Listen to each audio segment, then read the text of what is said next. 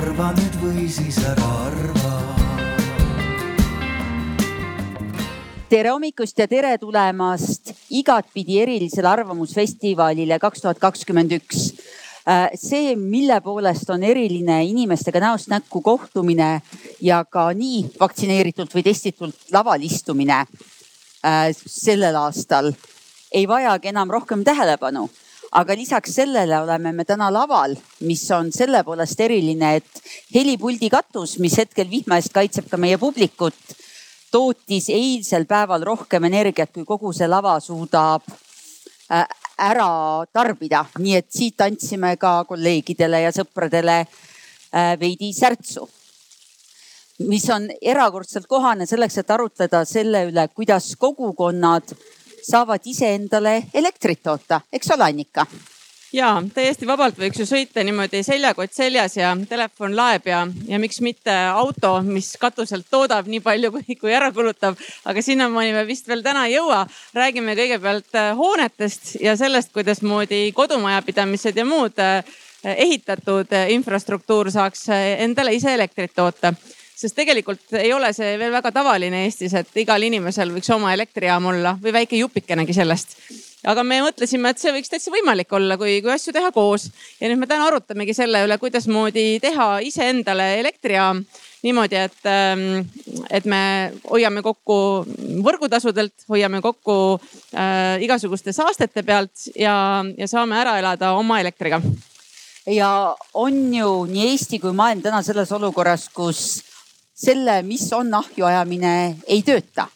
samas aga absurdsena e, taastuvenergia, mis justkui peaks olema meile nii ühiskonnana kui majandussüsteemina soodsam, rääkimata keskkonnast, on tarbijale kallim. ehk ei teagi enam, mis on see õige, üritame tuua sellesse selgust ja ennekõike küsime, kas üks pere saab endale ise elektrit toota, kuidas aga oleks ühe küla, ühe ettevõtete kogumiga või kasvõi miks mitte ka Lasnamäe kortermajadega, kus võib elada mõnes majas kokku ju tuhat viissada inimest. kuidas seda, kuidas see mõjutab seda majandusmudelit, mida see tähendab kogukonnale ja minu jaoks kõige olulisem, kuidas teha seda nii, et võidab nii kogukond kui ener-, kui siis võidab keskkond ja energiasektor. ja nii nagu Märt on öelnud äh, taastuvenergeetika ühistut luues kuidas teha nii, et not in my backyard'ist ehk siis nähtusest, et tehke muidugi, aga peaasi, et mitte minu läheduses. energeetika ja eriti päikseparkide puhul saaks please in my backyard ehk palun tulge siia, sest sellest on kasu meile kõigile ja mulle tundub, et juba nende parkide rajamise not in my backyard hakkab nagu probleemina maha minema. ma just sõitsin täna hommikul varakult Lõuna-Eestist äh, siia Paide kanti ja neid elektrijaamu, äh, päikesejaamu põldudel ja majadel, mis tee peale jäid, ma ei jõudnud enam kokku lugeda. mul läks paarikümne pealt lugemine segamini ja miks nad tekkisid, tekkis siis, kui tekkis inimestel endal motivatsioon seda teha. Ja me arvamegi, et kui leida see õige motivatsioon ülesse, siis tegelikult seda, et kusagil on mingi paneel üleval, inimest häirib oluliselt vähem kui see, äh, see olukord, kui keegi tuleb ise tema tagaõue püsti panema ilma tema käest küsimata. aga vaatame, kes meil siin täna kokku on aetud siia lava peale et äh, meil on Peeter, äh, Peeter Vihma on kogukonna ekspertsotsioloog, äh, kes on siia täna toodud selle jaoks, et rääkida, et mis ühes kogukonnas võiks toimida ja mis teises kogukonnas võiks toimida, sest kogukonnad on erinevad. üks on linnakogukond, teine on maakogukond ja, ja kolmas on võib-olla mingisugune veel hoopis teistsugune. niimoodi, et Peetri käest me tahaksime siis kogukonna eksperdi vaadet ja hinnangut, et kas need või võib-olla natuke lennukad ideed, mis meil mõnikord siin Liisaga üle huuli tulevad, kas see tegelikult võiks toimida erinevate kogukondade jaoks? siis on meil Peeter, äh, Peetri kõrval on Kulno. Äh, Kulno on Virtsust pärit kogukonna inimene elab maal, äh, peab talu ja, ja tegelikult tegeleb energiaedendusega just väikses kogukonnas, et tema käest me tahaksime teada nüüd seda, et mis siis nagu nendele mitte linna antsakatele, kes siin põhiliselt lavade peal räägivad, aga, aga kes tegelikult võiksid asju ise ära teha, korda läheb ja mis ei lähe. et kuidasmoodi seda kohalikku kogukonda tegelikult äh, kaasa tõmmata siis on meil üks energeetik. Äh, tema nimi on Martin, Martin Kruus. Martin on äh, loonud mitu energiaettevõtet Eestis ja, ja no nüüd on Sunly, varem oli Nelja Energia, võib-olla tuleb veel kümme tükki juurde. kindlasti, kindlasti tuleb varem või hiljem, aga Martin on siis see nii-öelda energeetiline mõistuse hääl meil siin lava peal. et ütleb, mis tegelikult energiamajanduslikult võiks olla jätkusuutlik ja tehtav ja mis tegelikult ei ole tehtav, et me tahaksime sellist hästi praktilist arutelu pidada. ja Märt on siis see, kes ähm, annab hoogu või tõmbab vett peale ärimudelitele, mis siin erinevates äh, variantides võiksid tulla aruteludele. Märt on äh, energiaühistu tegevjuht ja Märt on läbi arvutanud kõik, mis annab teha rahaliselt niimoodi, et ähm, tegelikult ei pea peale maksma, vaid, vaid see jaam, mida inimesed teevad, maksab neile peale küll aga on vaatamata sellele Eesti ilmale, mis on hea küsimus, mille kindlasti tuleb täna küsida, et kas sellises suurepärases kliimas üldse päikeseenergia tasub ennast ära, on meile kohale jõudnud publik, kellelt küsiksin mõned soojendusküsimused. palun andke siis jah vastuse puhul käega märku, selline hommiku, väike hommikuvõimlemine. kõige selle peale, kas teie usute, et üks pere saab endale ise elektrit toota Eestis? Niiviisi. pooled umbes usuvad. umbes pooled, mõned käed on sellised arglikumad kui teised, aga küla. rohkem käsi, see juba ütleb, et me oleme mingi nagu see, mida meie usume tõde olevat ja usub meie publik täna tõde olevat, ei ole üksteisest nii kaugel. aga kuidas oleks ettevõtetega? aga siis, kui see ettevõte ei ole mitte, ütleme suur ja võimas, vaid pigem on selline väikeettevõte linnast väljas. ettevõtlusse usk on inimestel väga tugev, mis on väga lahe. aga kellel muidu on endal taastuvenergia pakett tellitud? vähemalt wow. kui, kui nendel, kes usuvad, et see õige asi on. pean ka ütlema, et mul ei ole, mille tõttu küsiks kontrolliks, kas need takistused, miks ei ole või mis seisab Eestis taastuvenergeetika barjäärina ees. jälle käsi püsti, kui see tundub barjäär. üks asi on hind tänases Eestis. ja sealjuures hinna juures eh, hoian uhkelt kätt ainukesena. liiga, liiga madal elektri hind on kindlasti. no minul tarbijana Tallinnas kuuendal korrusel on see küsimus, et võrgutasu ja taastuvenergeetika tasu on kokku kallim ja ma ei jaksa sellesse süveneda oma üks külmkapp ja üks pesumasin tarbimise juures. Aga kuidas on barjäärina sellele, et tegelikult jälle minu jaoks Eestis ei saa aru, mis on taastuv, mis ei ole, läheb ühest torust, tuleb ühest torust. tuleb välja, et mina olen siis kelle, kelle peal saab testida seda, et kas on ka lihtsal inimesel arusaadav aga sellega lähmegi selle juurde, et kuidas kogukond saab energeetikas aidata. just ja me tegelikult hakkame pihta sellega, et mis asi see kogukonna energeetika üldse on. võtame selle juppideks lahti publiku käest küsime ka küsimusi ja kui teil on vahepeal tekkinud äh, endal küsimusi, siis äh, Liisa saab vahepeal kõndida publikusse ja, ja teile anda kuivades tingimustes teie jaoks võimalus sõna äh, sekka öelda, nii et Liisa pärast vajab fööni. ja mikrofon on seal taga olemas. eriti hästi. et vaatame, kuidas see praktiliselt välja näeb, aga lehvitage meile niipea, kui on küsimusi. aitäh.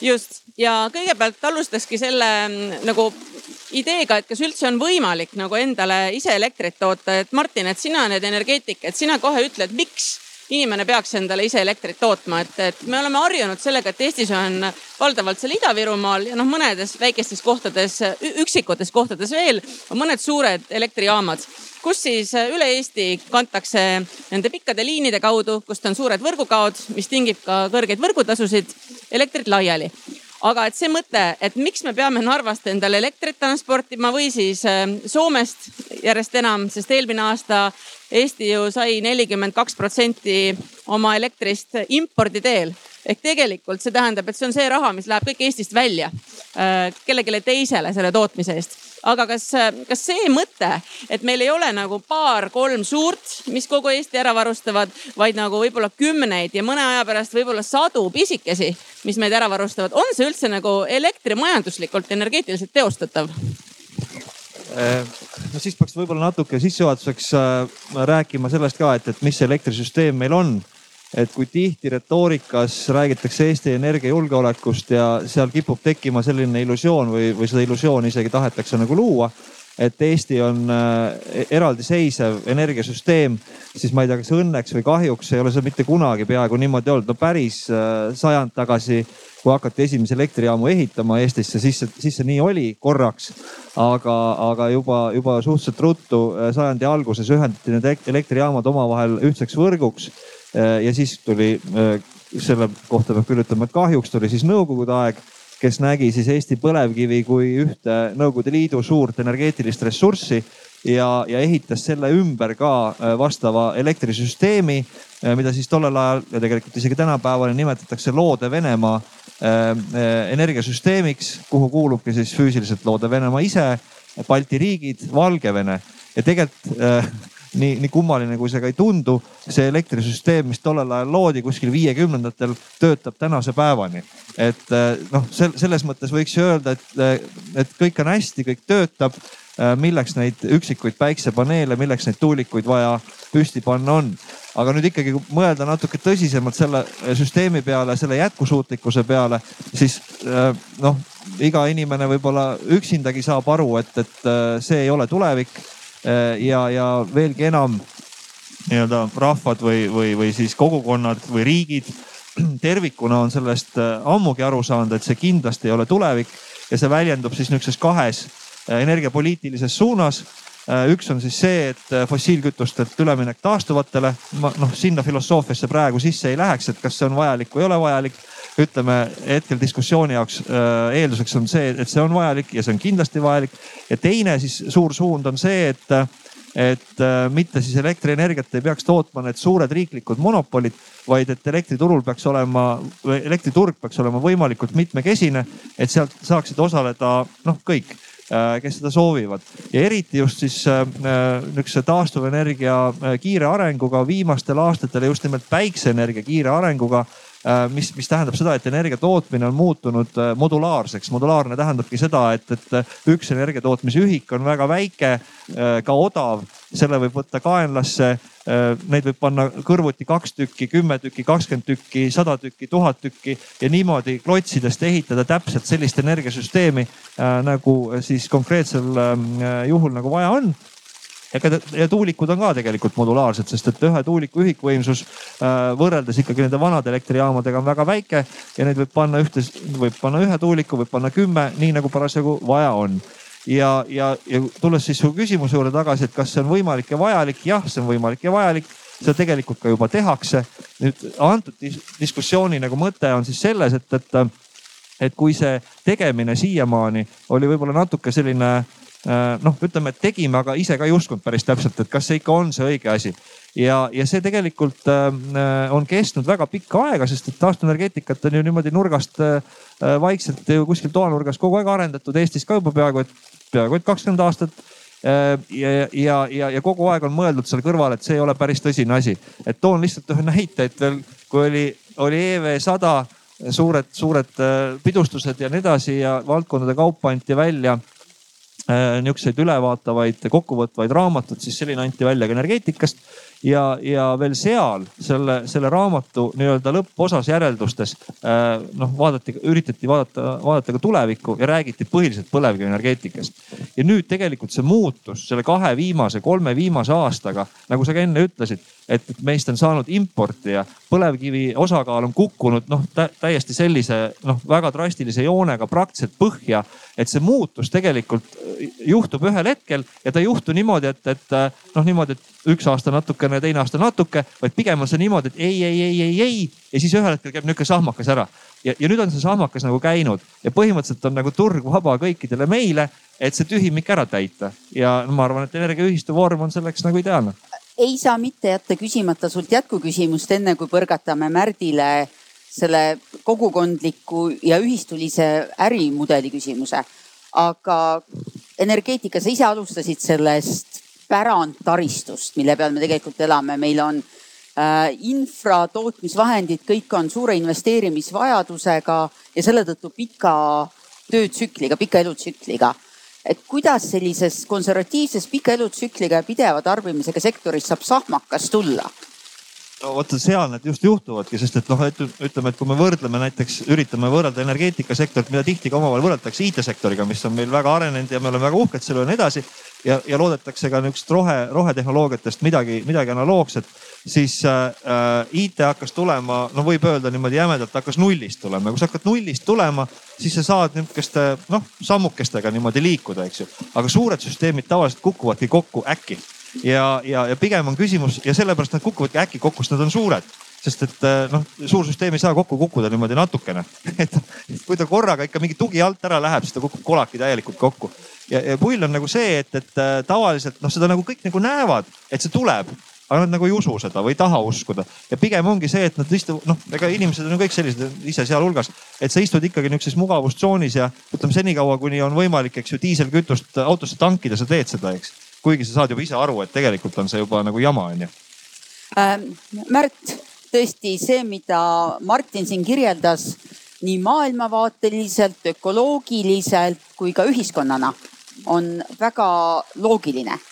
me teame ka, et taastuvenergeetika osakaal on Eestis, Euroopas ja suures osas maailmast tõusnud drastiliselt viimastel aastatel, kuigi kas see kas, kas null koma kolmest kolmeprotsendiline on drastiline või nagu noh, oligi juba aegtõus, on üks teine küsimus. Äh, küll aga endiselt on see, et kuidas need sellised suured ja, ja maailma seisukohalt ja ühiskonna seisukohalt vajalikud eesmärgid saaksid tulundusühistuna, mis on see mudel, millest me täna räägime välja tulla, kuidas see töötab. Eestis oled sa neid mitmeid variante läbi arvutanud. aga kuidas see, mida on saanud üksikad jõukamad inimesed teha toetuste toel, needsamad pargid, millest rääkis Annika, kus kuni pool jalgpalliväljakut üks inimene saab täis külvata siis päikesepaneele Eestis. ja mida on teinud ettevõtted ju suure seadusandliku surve ja toetuste toel kuidas järsku saavad kogukonnad selle endale loogiliseks teha? no vaata, siin ongi see, et ma vabandan, ma äh, vasaku käega hoian dekoratsioone kinni. aga püüame hakkama saada, püüame hakkama saada. et. Peeter hoiab nüüd. nii. väga hea, et äh, äh, jõukad inimesed, ettevõtjad saavad seda teha. samas jälle nagu Martin väga hästi tõi sisse termini modulaarsus ehk nad on äh, niimoodi klotside kaupa saab teha. see tähendab seda, et äh, saab seda taastuvenergiaparki teha endale üks majapidamine, aga samamoodi ka üks äh, korteriühistu, üks majade rühm. et Liisa, sa ise mainisid, et mida teeb näiteks inimene, kes elab neljandal korrusel. kuidas tema saab taastuvenergiast osa? et energiaühistu mõte ongi see, et ühistusse saavad kuuluda majaomanikud korterielanikud, inimesed näiteks, kes äh, töötavad Soomes, inimesed, kes elavad äh, metsatalus, äh, teistest võrkudest üldse eemal. ehk ühistu ongi see vorm, mille kaudu kõik inimesed saavad nagu ühiselt kokku tulla. ja kui, kuidas öelda, kõik need üksikud inimesed kokku tulevad ühistulises vormis, tekibki mingi kogum. et siis me saame koos selle asja ära teha aga räägi mõne praktilise näitega see läbi, sest jälle kogukond, energiasäästlikkus, kõiki sõnu usume aga tahaks nagu ette kujutada, et kuidas see välja näeb? aga kujuta ette nii, et äh, tegelikult Eestis äh, mõned väga tublid äh, korteriühistud on juba enda majadele taastuvenergia lahendused pannud. et okei okay,, nimi on korteriühistu, aga nad on ju lahendanud ka oma energiaprobleemi, ehk siis ka nemad on energiaühistu. et ma ühe konkreetse Õismäel asuva paneelmaja näitel, kus on viiekorruseline maja, kaks trepikoda. Äh, nendel on katusel päikesepaneelid. Äh, ja nad toodavad nelikümmend protsenti oma majas vajaolevast elektrist ise. aga sellele lisaks võimaldab see ka osaliselt soojust toota. ehk tegelikult paneelmaja Õismäel viiskümmend protsenti soojusest toodab ise ja nelikümmend protsenti elektrist see on võimalik. Äh, täpselt selliseid samasuguseid lahendusi võime teha ka ju mujal. näiteks äh, kogukonnad, mis on nagu noh, Eestis on hajaasutus äh, laiali pillatud, osad majad on puude all, päikest toota ei saa. osad on kuskil tee ääres, kuhu lihtsalt ei tohi taristut teha. aga nende majade vahel on tühi plats. mis ühiselt kasutusele võttes tooks kasu nii nendele majadele, mis on puude all, kui ka nendele majadele, mis noh, ütleme suure tee lähedal, kuhu elektriliine tõmmata ei tohi. et äh, ühistulises vormis on võimalik teha selliseid ühiseid taastuvenergiaparke. siin ei saa jälle, kui ma vaatan, lihtne inimene, kaks kätt, kümme sõrme, vaatan oma elektriarvet ei saa üle ega ümber sellest, et seal on see mingi võrgutasu element, mis on umbes pool sellest. kas me reaalselt räägime siis selle endale jätmisest selle tõttu, et võrku ei ole, su paneel ja su tarbimiskoht on kõrvuti? vastus on jah. Et sisuliselt jah, jämedalt öeldes sisuliselt nelikümmend protsenti oma igakuisest elektriarvest, kui sa ise toodad, siis see ongi see kokkuhoid. No nii, aga ma mõtlen kohe, et aga lähme nüüd nagu päris reaalse inimese kingadesse, et Kulno, sina elad maal ja sealt küll suures osas Eesti sõidab iga aasta läbi, kui neil on vaja jaanipäeval Saaremaale minna või, või muul suvisel hooajal. Äh, nii et sealt võiks olla potentsiaalselt veel rohkemgi tarbimist kui kohalikud inimesed. aga mis sinu jaoks annaks äh, energiakogukond üleüldse? sest äh, tihtipeale sa näed, et tulevad tuulikud, Virtsus on ühed esimesed Eesti tuulikud juba aastaid, eks ole. aga need ei ole kogukonna omad, need on kellegi teise omad. Aga mida sina kohaliku inimesena arvad sellest mõttest, mis Märt ütles, et paneks kamba peale midagi püsti ja teeks iseendale? no mina isiklikult, kuna ma olen ka energiaühistuga juba liitunud, siis arvata võib, et ma olen selle mõtte pooldaja. aga, aga samas, äh, et inimesed saaksid äh, koos energiat toota, siis ma arvan, et see, see mõte tegelikult on, et üldse midagi koos teha. Ja nendest, üks nendest asjadest võiks olla siis see energia. energia on väga oluline sisend ikkagi meie kõikidesse tegevustesse, aga on ka muid asju. et selles mõttes on see eh, energiaühistu eh, minu jaoks nagu üks võimalustest, kuidas kogukond omavahel saaks koostööd teha, aga sinna kõrvale kindlasti tuleks ka muid asju teha. et selleks, et see kogukond siis muutuks terviklikuks ja, ja noh lõppkokkuvõttes võiks olla kogukond ise majandav. et siis lisaks energiale ka mingid magasiaidad, eks ju, ja, ja selline suurem koostöö. aga noh, jääme täna siia energia juurde siis aga kui sa mõtled, et okei okay,, teil on, olete seal Hirtsus kogukond, te suhtlete omavahel, midagi võib-olla teete juba koos, et tegelikult väga paljud Eesti kogukonnad tegelevad sellise ajaviitetegevusega. seltsitegevus, äh, mingid kultuuritegevused, mis on tegelikult sellised, mis inimesed tahavadki koos teha, mida igaüks omaette teeb ka mingil määral, aga ühel hetkel hakkab tüütu äh, üksi iseendaga arutlemine.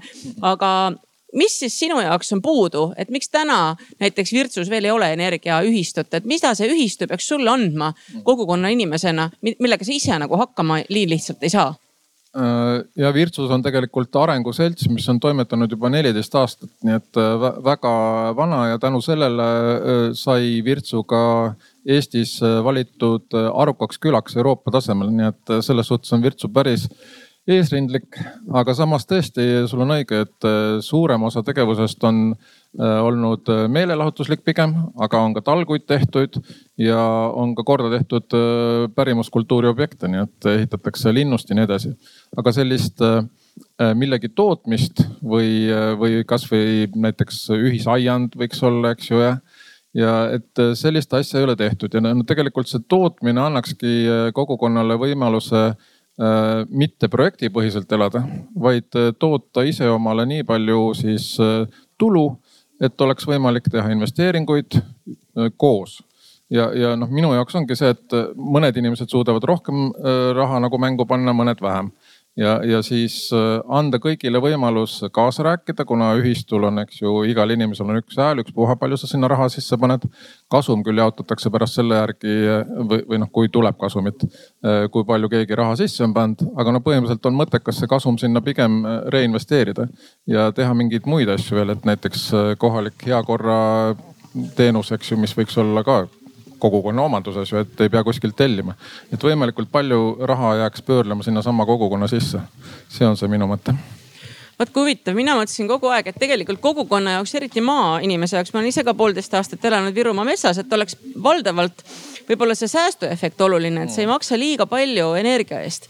et inimestel tihtipeale maal sissetulekud on väikesed, äh, neil on äh, kulud, äh, mis võib-olla tihtipeale on suured äkiliselt ja, ja seetõttu see kogukonna nagu säästuefekt oli minu meelest suur, aga tegelikult see, mis sina praegu ütlesid, on täiesti uus nagu dimensioon, et hakata kogukonnana ise tulu tootma, mitte lihtsalt olla läbisõiduhoov, eks ole, vaid, vaid saada midagi sealt ise finantseerida midagi enamat kui ainult see energeetika ja nagu ma ennem siin äh, vihjasin, et tegelikult on elektri hind liiga odav, et see on barjäär äh, mina ei usu, et äh, praegu kellelgi tegelikult, kui sa vaatad, palju sa elektri eest maksad, et see nüüd oleks midagi sellist, mille pärast peaks hakkama väga tõmblema. Aga noh, me teame, et see elektri hind nüüd kõigub kõvasti ja hakkab aina rohkem kõikuma ja eks ta hakkab tõusma ka, nii et need sellised projektid lähevad aina tulusamaks selles suhtes, et kulud jäävad samaks, eks ju, või kukuvad isegi. noh, paneelid on kõvasti odavamaks läinud, muud tehnoloogiad siin hakkavad ka ehk massiefektina siis äh, langema. aga samas, kui elektri hind tõuseb, siis äh, noh, seda rohkem on võimalik kokku hoida, eks ju nii et äh, see tuleb ka kindlasti mängu. no ilmselgelt ka mitte ainult kliima, aga ilm on sellega nõus, sest selle jutu peale ilmus taevasse päikselaadne toode ja hakkas jälle meie helipultis endale elektrit tootma. Kulno rääkis väga edukast ja nutikast kogukonnast, kus tema ise on ka eestvedaja olnud ja kus tõesti äh, äh, juba teist aastakümmet tehakse ühte, teist ja kolmandat. Äh, sina, Peeter, oled uurinud seda, kuidas Eestis kogukonnad kokku tulevad. ja räägi meile, kas selline kogukondlik energeetika ja kuidas selline kogukondlik energeetika oleks võima võimalik, arvestades, kui kirjud ja mitmekesised on Eesti kogukonnad, mitte ainult oma asukoha ja siis sellise nagu hajususe või koosolemise osas, aga ka koostöötahte, majanduslike võimaluste ja ka usu osas, et üldse koos midagi saab ära teha. ennem kasutati siin ähm, energiaühistute äh, põhjenduseks selliseid mõtteid nagu, et me hoiame kokku elektrilt hinnalt, me hoiame kokku võrgu hinnalt. siis ma mõtlesin, et tegelikult see tähendabki, me hoiame kokku, on see, mis on siis selle ühistulise eh, sotsiaalse poolega täpselt samamoodi. Et ähm, laias laastus äh, ei ole vahet, eh, kes hoiab kokku ja kui me mõtleme ükskõik missugusele ähm, elektri või ükskõik missugusele kollektiivsele tegevusele, siis äh, see eeldabki seda, et inimesed teevad koostööd teiste inimestega. nüüd energia või, või siis ütleme siis kogukondliku liikumise puhul me tavaliselt peame silmas seda, et sellis, selles kontekstis, et need inimesed elavad suhteliselt äh, lähestikku Äh, ja, ja energiaühistu puhul on ju piiriks see, et äh, hetkel praegu seaduste puhul lubatakse otseliini tõmmata kuus kilomeetrit. see tähendab, et noh, et kui me, kui kuskil selle kuue kilomeetri raadiuse sees elavad inimesed, siis äh, nendel on ähm, väga lihtne majanduslikult siis arvutuslikult öelda, et okei okay,, et me saaksime sealt seda võrgutasu kokku hoida. ja ähm, see, kui on juba midagi tehtud kui, kui inimesed soovivad mingisugust asja ette eh, juba, juba teha, siis selle baasilt on väga lihtne eh, hakata ka elektrit tootma. aga kuidas on Eestis selle usuga, et noh, kogukond saab midagi suurt ühist ette võtta, noh nagu Kulno rääkis, kasvõi seesama, et koos toodame, koos teeme, koos ka usaldame üksteist nii palju, et majanduslik majandustegevusse, et panna ühisesse tegevusse ka oma investeering muuhulgas. et see ei ole ainult projektipõhine tantsuplatsi ehitamine. Ehm, no ehm, võib ju mõelda niimoodi, et igasugune koos tegemine eeldab usaldust ja, ja me kõik oskame arvutada, võib-olla paremini või halvemini, aga me kõik oskame arvutada ja me kõik oskame mõelda, et ähm, sellele, et mis oleks mulle kasulikum. nüüd ähm, me võime ju põhimõtteliselt elektrit toota ähm, ka niimoodi, et me ostame selle külas elava osaühingu käest näiteks ähm,. aga praegu me räägime siin sellest ähm, nagu kogukonnapõhisest tulundusühindust ja selle mõte on minu, minu meelest, nii palju kui ma seda uurinud olen, on see, et et selle abil me saame lahendada mingisuguseid muid probleeme või mui, saavutada muid eesmärke, mis ei ole ainult seotud majandusliku tuluga. see tähendab, et äh, kui me vaatame ükskõik missugust elektri tootmist või praktiliselt mingit muud inimtegevust, siis selle ähm, kõrvalsaaduseks on mingisugused tule, noh, ütleme, et ebameeldivused, mida tavaliselt eriti just äh, fossiilsete kütuste puhul äh, keegi kinni ei maksa või vähemalt ähm, otseselt kinni ei maksa. noh, kui ütleme, et kuskilt, kuskil see toss läheb, kuskil see vesi kaob äh,, kuskile need ähm, tuulikud kerkivad ja kui nüüd mõnele inimesele tundub, et see ei peaks olema õige viis, kuidas toota energiat, siis võttes energia tootmise enda kätte, tehes selle enda kogukonna asjaks, saab need äh, probleemid lahendada, sest turg neid lahendama ei kipu. ehk tegemist on tegelikult sellise tasakaalu otsimisega, mitte kus leitakse see tasakaal, et kogukonnana kõik ei pruugi saada oma esimest eelistust. Ehk seda, et on kogu aeg soe ja kuiv ja meeldiv ja elekter tehakse kuskil mujal, aga kõik saavad ka ebameeldivusest võimalikult väikse osa Ehm, no ma arvan, et äh, ei ole praeguste hindade, praeguste koostöötaseme juures ei ole mingit põhjust äh, teha mingisuguseid mööndusi oma elukvaliteedile äh,. nii nagu mina aru saan, siis äh, majanduslikult ja tehnoloogiliselt äh, kursis olevad inimesed on rääkinud, et äh, päikesepaneelide hinnad on viimase kahe aasta jooksul langenud kolm korda. Ähm, noh, samas elektri hind on eelmise aastaga võrreldes tõusnud kaks korda. et kui seda arvesse võtta, siis me suudame noh praegu praeguste arvutuste järgi iga kogukond peaks suutma endale toota nii palju elektrit, et ta ei, ta ei pea külmetama või, või vähem külmkappi sisse lülitama selle tõttu et pigem on küsimus selles, et kui me tahame midagi muud kui seda, mida turg võib meile pakkuda ja kogukonnad on alati sellised kogukondlikud organisatsioonid, kogukondlik aktiivsus toonud mingisugust lisandväärtust, mida noh, mingitel põhjustel selles piirkonnas parasjagu ei ole.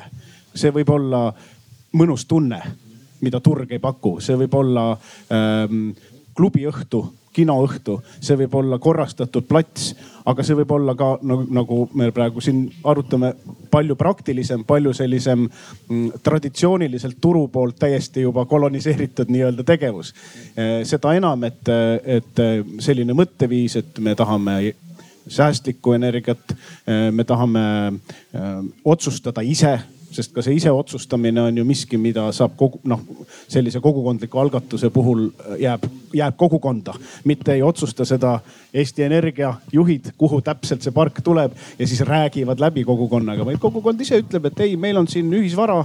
me tahame seda kuidagi rakendada paremini. nii et aga miks siis ikkagi on niimoodi, et, et kõik see jutt, mis sa räägid, on nii praktiline ja nii loogiline, et, et meil ei ole neid kogukondlikke energiaparke veel, meil on küll äh, lauluseltse, meil on äh, külakiikesid, meil on äh, igasuguseid teatrietendusi, mida tehakse ja veel terve hulk selliseid inimeste nii-öelda vaimselt kultuurilist kokkutoomise vorme ja väljundeid, aga sellist nagu tootmisväljundit meil praktiliselt kogukondas ei ole. mis siis viga on? kümme aastat tagasi tegi Arengufond ähm, energiaühistute pilootprojekti kümme aastat tagasi, kui me räägime sellest, et viimase kahe aastaga, kahe aastaga on päikesepaneelide hinnad kolm korda langenud või efektiivsus, no, noh, ühesõnaga laias laastus nüüd mõttekam, kolm korda mõttekam panna. kümme aastat tagasi see ei olnud võimalik, arvutused äh, ei lubanud, see on üks põhjus. Äh, teine põhjus on see, et ähm, Eesti inimesed on hirmus tublid ja nad jõuavad hirmus palju, aga kakskümmend neli tundi on ikkagi kõigil päevas ja kui me vaatame sellele, kui, kui te sõidate Eestis ringi ja vaatate, kui kenad on inimeste kodud, kui palju jõukust on kogunenud, kui äh, hästi, kui meeletud hektarid niidetud muru äh,, Land Cruiserid äh, iga, iga äh, aia ees. Riia toetused. eks ole, et inimesed on ähm, jõudnud oma kodu korda teha ja nüüd nad mõtlevad võib-olla järgmise sammu peale. ehk ja, aeg on küps. aeg on küps. ja selle äh, tõdemuse pealt olemegi jõudnud umbes oma arutelus poole tee, teetähiseni. Äh, kas on publikus küsimusi? tähelepanekuid, märkusi või ka väga konkreetseid ettepanekuid kogukonnast, kus on asjad ühte või teistpidi? Äh, näen ühte kätt ja publiku mikrofon liigub seal automaagilisel viisil. töötab, töötab Äh, aitäh hea arutelu juurest. ma tahtsin küsida ja tegelikult pakkuda veerand vastust ise ka, aga siis, et äkki täiendate seda nende praktiliste asjade juurde ikkagi tulla. et mis on need, ütleme, et kui on kogukonnas keegi liige, siis kes, kes saab inspiratsiooni teie sellest äh, vestlusest ja tahab midagi teha, et mis need praktilised asjad on siis, mida peaks tegema. ja see veerand vastus, mis ma tahtsin jagada, oli, mis ma see nädal kuulsin, et äh, ma osalesin ühel kohaliku omavalitsuse äh, planeeringute alasel koosolekul, nad teevad üldplaneeringut ja nad ütlesid, et midagi on muutunud, et meile tuleb massiliselt äh, ettepanekuid äh, nende maadele äh, siis ette näha tuuleenergia alad. ja see võib-olla on seotud või noh, nad arvasid, et see on seotud sellega, et majandus- ja kommunikatsiooniministeerium on välja tulemas eelnõuga, mis siis kohalikele kogukondadele hakkab kompensatsiooni maksma. et tundub, et sealt hakkab nagu mingisugune pööre või mingi muutus tulemas. et ma siis järeldasin, et okei okay,, et, et järelikult peaks ka oma maa kuskil laskma planeeringusse tuuleenergeetika alaks määrata. aga mis on veel need siuksed praktilised sammud, miks üks, mida üks kogukonna liige peaks siis tegema? Tegema no Märt, sina võta sõnajärg üle ja anna vastuseid, väga praktilisi to do list, siis inimesed lähevad koju ja hakkavad kohe tegutsema. punkt üks, helistage mulle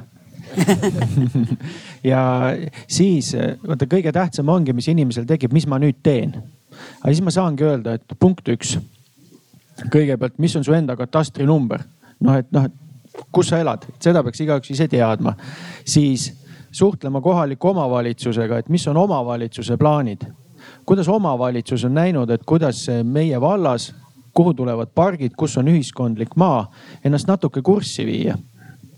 ja siis punkt kolm, siis ma küsiksin, kas sa oled üksi või on teid rohkem? palju on, kas sul on naabreid, kui palju teid külas on? siis neljas küsimus, kas te olete valmis tegema midagi koos? ja siis kui teid on juba neli ja viis, siis saame kokku.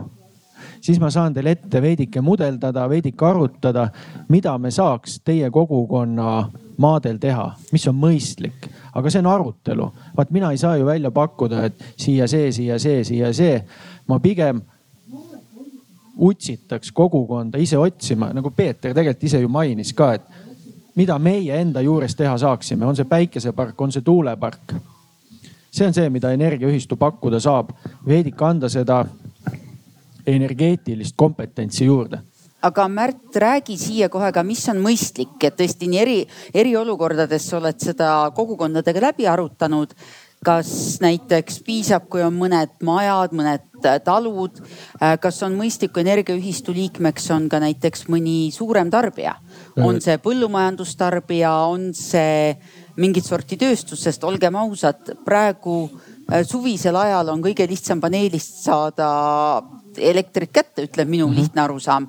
aga suvisel ajal ju elukondlik tarbimine on kõige madalam täpselt nii, et kõige mõistlikum ongi, kui seal on mõni põllumajandusettevõte, saekaater, kohalik õmblustööstus, ka ne-, toiduainete tööstus jahutus, no ütle veel sul on mikrofon. kõik, mis tahab palju elektrit saada. kõik, mis tahab. viljakuivati. viljakuivati, ka nemad on ju kogukonna liikmed.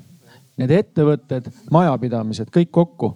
et äh, Liisa ütles jumala hästi, et tegelikult kui suvel päike paistab, kedagi kodus ei ole, siis me elektrit tarbida ei saa. Need kogukonnapargid võivad ju energiat toota ka sellele kohalikule ettevõttele et selles mõttes ongi, et äh, park toodaks siis, kui on ka tarbimist et just ongi see, et kogukond koosneb, inimesed, ettevõtted ja võib-olla ma ruttan teemast ette, ka kohalik omavalitsus. kõik kolm võivad olla selle kogukondliku pargi liikmed ja osalised. vallavalitsuse hoone, ma olen kuulnud, vajab, vajab elektrit hästi-hästi magus koht, ma tahaks siia vahele susata praegu, et kui sa ütlesid väga õieti, et elukondlikud, et kodudes, eks ju, kõik on õues ja keegi ei tarbi mitte midagi, aga see suvi oli väga eriline, et kõik jahutasid oma kodusid samal ajal kui päike paistis nii, kas on. kodusid, vaid ka ütleme, jäätisetootjad pidid jäätist jahutama äh,. kas on veel publiku küsimusi enne kui ka teistele Kul? Kulno tahtis natuke kommenteerida ja publik jõuab ma... natuke mõelda veel, aga kohe tuleb. ma tahtsin öelda, et see jahutuse probleem oli pigem linnas, et äh, maal me küll ei pidanud jahutama, et palktare oli väga mõnus ja. Te läksite mere äärde, tuul puhus. ja Savimaja muide, soovitan kõigile aga.... kõige mõttekam on kokkuhoidmine. aga Peeter, praktiline samm selleks, et äh, seesama kogukond saaks kokku hoida, selleks, et hakata elektri pealt kokku hoidma? kõige, kõige lihtsam on ehitada sinna, kus vundament on juba olemas. Kui muu maailma praktikat vaadata, siis näiteks Inglismaal nende ühistutest, energiaühistutest kolmandik on sündinud mingisuguse olemasoleva organisatsiooni baasil, kogukondliku organisatsiooni baasil, see tähendab, kas on mingi külakeskus või mingi muu kokku kooskäimise või koos tegemise viis. ja kuna Eestis on see suhteliselt levinud, et ähm, noh, kus ei ole külavanem, seal on külaselts, kui ei ole külaselts, on arendusselts äh, ja nii edasi. et siis see tähendab, et inimestel on juba tekkinud äh, esiteks mingisugune toimiv koostöövorm, äh, teatud vastastikune usaldus ja ka, mis Märt, sina välja tõid, info selle kohta, mis on kogukonnas olemas. sest et meie jutt algas ju sellest, et ähm, ka tegelikult ühel inimesel on, oleks võimalik ja majanduslikus mõttes äh, mõttekas, ütleme kümne-viieteist aasta perspektiivis endale panna need ähm, paneelid. aga äh, kogukonnas me saame kasutada ära ühisomandis olevat vara, saavutada massi e-, e-, või mastaabiefekti ja nii edasi. see tähendab, et kõik see, mis on noh kogukonnal olemas, aga e-, üksikinimesel just nagu ei ole või vähemalt ligipääsu ei ole. või mingi asi, mida mul on, aga teisel ei ole, näiteks mul on maa, aga seal on äh, ettevõte, kellele oleks vaja elektrit, siis kõik selline äh, äh, noh, on ressurss, mida kogukond saab tead-, kasutada ja selleks peab seda lihtsalt teadma Peeter, lisan siia juurde, vaata, et kui me ennem rääkisime, et elekter on nii odav, et kui sa vaatad oma majapidamise elektriarvet, no ei, ei lükka liikvele. miks ma peaksin pongestama, maksan kümme eurot kuus rohkem, tühja sest. aga siis, kui sa vaatad, et kui see kogukonnapark aitaks näiteks meie valla ujulal paar tuhat eurot kokku hoida, siis näiteks võib-olla ujumistreeneri palga saame sealt, et lastel oleks kasvõi ka treeneri palk ära maksta. või siis noh, ma toon siia juurde, ma arutelu alguses tõin selle Õismäe paneelmaja näite kolmkümmend korterit äh, ühistu, nemad aastas hoiavad äh, kokku kolm tuhat üheksasada eurot. lihtsalt konkreetne number ja ühe konkreetse korteriühistu sääst sellest, et ise toodavad. no nii, aga meil on veel publikult küsimus, palun siin tuli vahepeal nii palju mõtteid, et mul see mõte, mis ennem oli, kadus ära ähm,. aga tuli kindlasti kaks uus, uut mul mõtet. mul on kaks uut mõtet küll jah. üks oli see, et äh, kui palju siis need äh, korteriühistud või üleüldse kogukonnad äh, mõtlevad selle peale, et äh, erinevaid akulahendusi rakendada, et siin tuli nagu see välja, et ju kõige rohkem päikeseenergiat saame me päeval, aga inimesed äh, paratamatult ei tarbi seda ära ja siis tekib see küsimus, et mis me siis teeme sellega aga kas, kas ja kui palju siis sellised lahendused, akulahendused tegelikult juba päevakorras äh, on või mis need äh, plussid-miinused teie arvates on? ehk salvestamine, Martin. Martin, energiasalvestus tõesti et äh, seda võib ka minna käega katsuma, siinsamas mäe peal üleval on üks konteiner, see on seesama ettevõtte poolt tehtud, kes selle varikatusegi tegi olgu öeldud, et ma olen selles ettevõttes väike osanik igaks juhuks, kui ma väga suurt müügitööd hakkan tegema. et äh, aga seal on olemas akud ja saab käega katsuda, et vaadata, mida see tähendab ja, ja see varustab praegu ära täielikult päikseenergiaga siis äh, selle lavatehnika ja selle üleval oleva lavatehnika, nii et, et noh, see, see töötab, onju. aga nüüd, kui tulla selle äh, praktilise vajaduse juurde, siis noh, praegu ikkagi elektrivõrk on meil olemas ja kui, kui ma alguses rääkisin seda, et, et suured süsteemid kukuvad kiiresti kokku, siis noh, elektrivõrgu kokkukukkumist, noh seda ütleme kaablisüsteemi, alajaamade süsteemi kokkukukkumist ma nagu ei prognoosi. Eh, ja, ja nüüd ongi salvestamisega nagu kaks asja või kaks võimalust laias laastus, et kas me salvestame eh, enda juures ehk siis tarbija salvestab ise või salvestab keegi teine selle elektrisüsteemi kuskil teises otsas ja, ja need mõlemad äh, lahendused on äh, omade plusside ja miinustega ja nad äh, on ka olemas. Neid tuleb lihtsalt taastuvenergia, noh kui taastuvenergiat tuleb süsteemi aasta-astmelt juurde, siis tuleb neid salvesteid ka sinna süsteemi nagu juurde panna. et ma ütleks niimoodi, et tingimata ei ole vaja igal tarbijal või igal kogukonnal või ühistul oma salvestust ehitada, sest et võrk praegu katab selle osa ära. aga sealt kindlasti varem või hiljem tuleb majanduslik sisend, sest et ega võrgu me rääkisime ka sellest, et see ühis, ütleme ühistegevuse või kohapeal elektri tootmise üks nihuke majanduslik motivaator, suur motivaator ongi see, et saada võrgutasudest lahti. ja, ja tegelikult ka need võrgutasud, mis täna justkui tunduvad proportsionaalselt arve peal nagu suured, siis need lähevad ajas ainult suuremaks. sest et äh, probleem selles, et mida rohkem tekib kohalikku äh, tootmist, seda vähem hakkab energiat liikuma suures süsteemis. järelikult kulud jagatakse vähemate ühikute peale ja, ja, ja tõenäoliselt tulevad varem või hiljem tulevad ka püsitasud, mis lähevad suuremaks suureks, eks ju. ehk siis, mida ma tahan nagu öelda või, või üritada natuke ette vaadata, siis siin ka kaks trendi äh, saavad kokku. üks on ka see, et salvestustehnoloogia kukub sama suure kiirusega nagu päikse äh, oma on kukkunud juba äh,. no tõenäoliselt kuskil tuleb stabiliseerumine, aga, siiski see areng on praegu tugevalt selles suunas. ja teine areng on siis vastupidises suunas, kui võrgutasud kasvavad, tekivad püsitasud, siis see majanduslik äh, noh, nii-öelda nii-öelda punkt tekib, tekib üsnagi, üsnagi varsti. ja, ja ma arvan, et tegelikult seda on võimalik ka juba täna, kui seda investeerimisvõimekust on juba täna tegelikult on võimalik noh, nii-öelda teha see investeering tasuvalt ära. aga noh, see nõuab loomulikult siis noh, mitte päris topeltkapitali, kui võrrelda päiksepargi investeeringuga, aga igal juhul suuremat investeeringut, nii et noh, see on nihuke majandusliku arvutamise küsimus.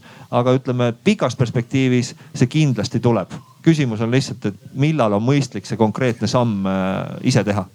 Martin, aga elektriautod tulevad väga kiiresti.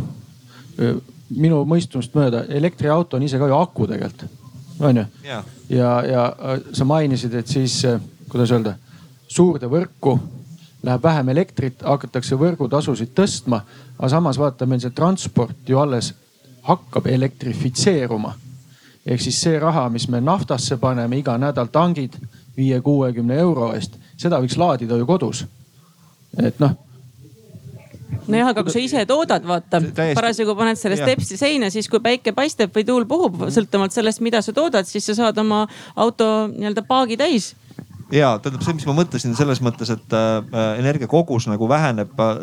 mida, mida tekitab elektritransport süsteemis? elektritransport loomulikult ta tõstab ka koguseid, aga veelgi enam ta tõstab süsteemi, ütleme siis äh, võimsusvajadust. sest et kui me mõtleme kasvõi näiteks kiirlaadijate peale, eks ju, siis ühe kiirlaadija võimsus on kakssada viiskümmend kilovatti.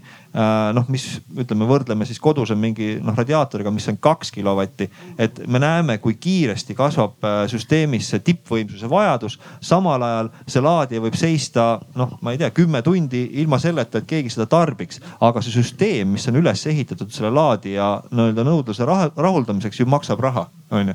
ja, ja, ja see on vaja tarbijate poolt kinni maksta, nii et ka nende laadijate puhul äh, tekib varem või hiljem selline äh,, mina näen sellist äh, olukorda, et ütleme, kui näiteks Tallinn-Tartu maanteele Äh, kuhugi, no näiteks Are kanti tekib uus äh, nii-öelda siis tankla Äh, siis ma näen seda, et sinna kõrvale peaks tekkima ka suur päiksepark, et tegelikult seda, äh, seda tarbimisvõimsust äh, rahuldada. sest et selle süsteemi ülesehitamine, me just eile debateerisime siin nii-öelda püstijala peal ühe vesinikuenergeetika fänniga, eks ju. tema põhiargument oli see, et, et miks elektritransport, kus, kus see pudelikael on, ongi see, et see elektrivõrk ei arene järgi ja just nimelt sellepärast, et see kasv jällegi ei ole orgaaniline, vaid need kiirlaadijad nõuavad hetkelist praktiliselt nii palju energiat, et, et kogu süsteem ja kui see summeerida süsteemi tasemel tuleb see võimsuse kasv kõik summeerida, et, et seda nagu ei suudeta teha. nii et, et seal tekib jällegi see, et, et päiksepark kas kõrval, katusel, alllaadijad ja seal vahepeal puhverdavad veel akud, eks ju, seda olukorda. aga see kohalik äh,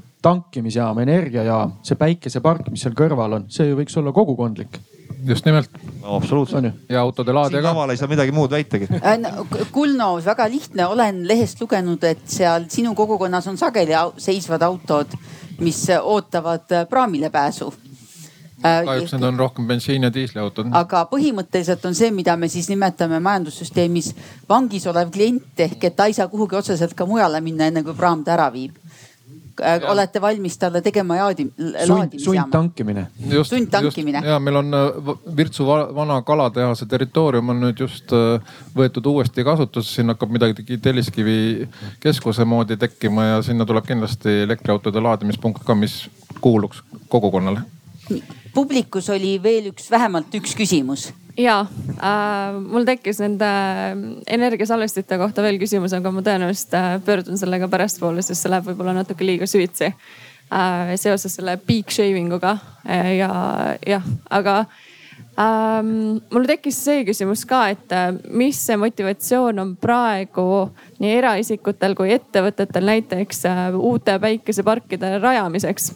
et äh,, et tegelikult ju toetused on äh, noh, kas seal on mingid toetused siis praegu või, või on tulemas midagi juurde äh,. ja teiseks näiteks numbriliselt juba on teada ju vähemalt ma olen kuskilt kuulnud, et äh, päikeseparkide koguvõimsus siis praegu Eestis on kaheksasada megavatti, millest siis eelmine aasta toode või rajati siis äkki kolmsada megavatti. Ehk siis äh, eelmist, eelmise üle-eelmise aastaga see maht lihtsalt äh, meeletult kasvas. aga mis on siis praegu see motivatsioon siis uute parkide rajamisel? ma, ma vastan omast kompetentsist kuna neid parke tuleb nii kiiresti juurde, siis tuleb oma park teha kiiremini. sest et muidu tuleb kohalik ettevõtja ja siis ei ole enam võimalik aga ähm, teine asi on ka see, et, äh, et tõepoolest, et nagu see keskkond, eks ole, mis, äh, mis seaduste, toetuste abil äh, tekitatakse, et see või, või meile tekib, mille me ise tekitame. et, et see mõjutab seda, kui kiiresti need, need ühi-, ühistulised tootmisjaamad tekivad ja noh, seda on näha erinevate riikide võrdluses.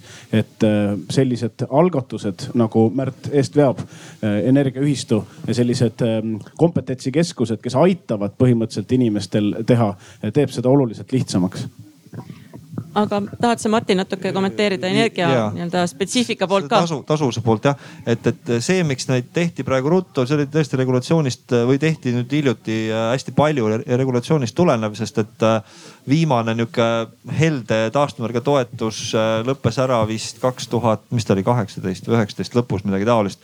ja selleks ajaks oli vaja need äh, pargid kõik äh, valmis ehitada. ja miks ma ütlen helde, sest et see toetus on, on väga, see number seaduses on väga vana ja see, see tekkis sinna seadusesse olukorras, kus tehnoloogia maksis oluliselt rohkem.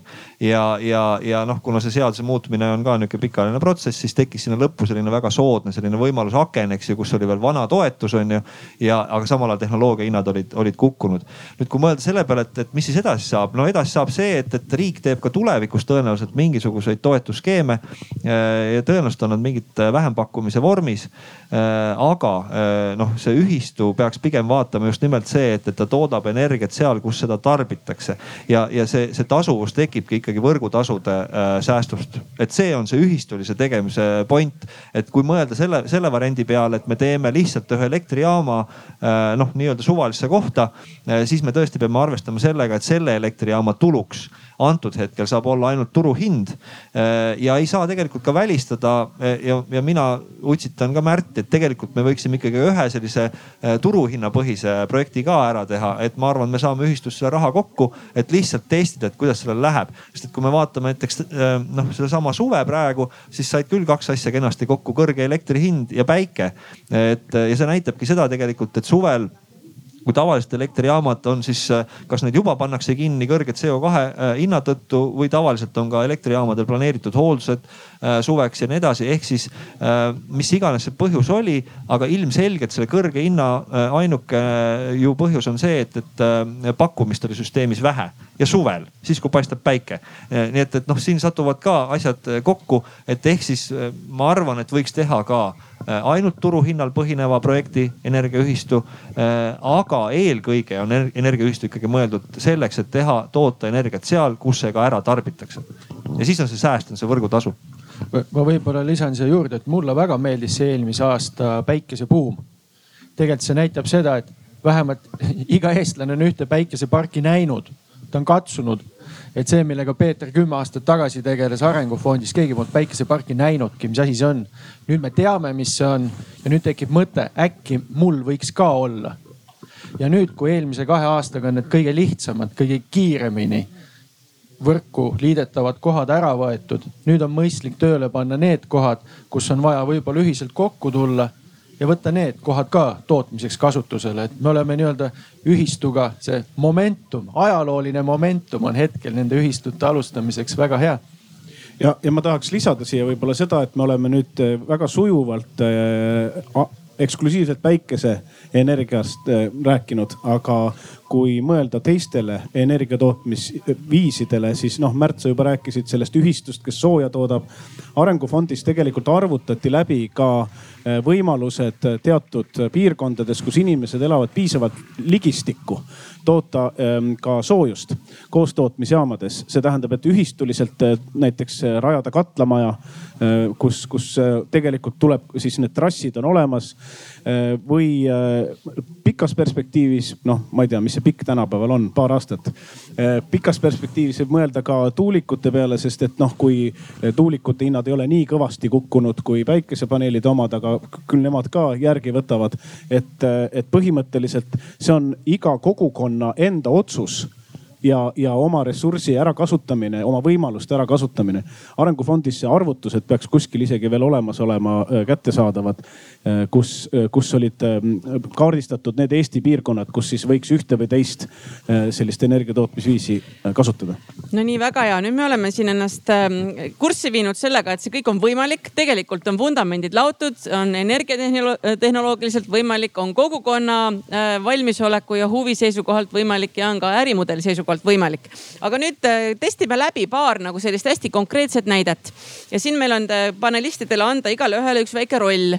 et me vaatame kolme stsenaariumi sest rohkem ilmselt ei jõua praegu ajaliselt. et üks stsenaarium on see, et meil on üks maa-alev asulakeskus, kus on äh, selline mitmekesine tarbimine, seal on äh, elamuid, seal on kohalik vallamaja, seal on mingi koolikene, lasteaed, seal on kindlasti Coopi kauplus, võib-olla veel paar tükki. sa räägid, sa mingi... räägid Virtsust, tundub. ma räägin mudelalevist asulast Eestimaal. Virtsu, Puhja, Kadrina ütlen ma kohe peast. absoluutselt, seal, kus me kõik oleme kunagi olnud ja käime seal sealt läbi praktiliselt äh, suvel mitmeid nädalas äh, selliseid asulaid.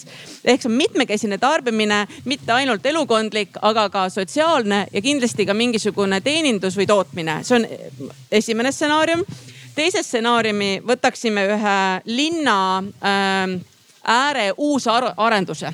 kui me vaatame, kuidasmoodi linnad arenevad, siis tegelikult on ju noh, kõikides linnade äärtes on sellised põllud, mis kunagi olid põllud, aga nüüd on seal majad, võimalikult ühesugused, igal pool on elupuuhekk. aga elupuuheki taha teeme võib-olla päiksepargi ka.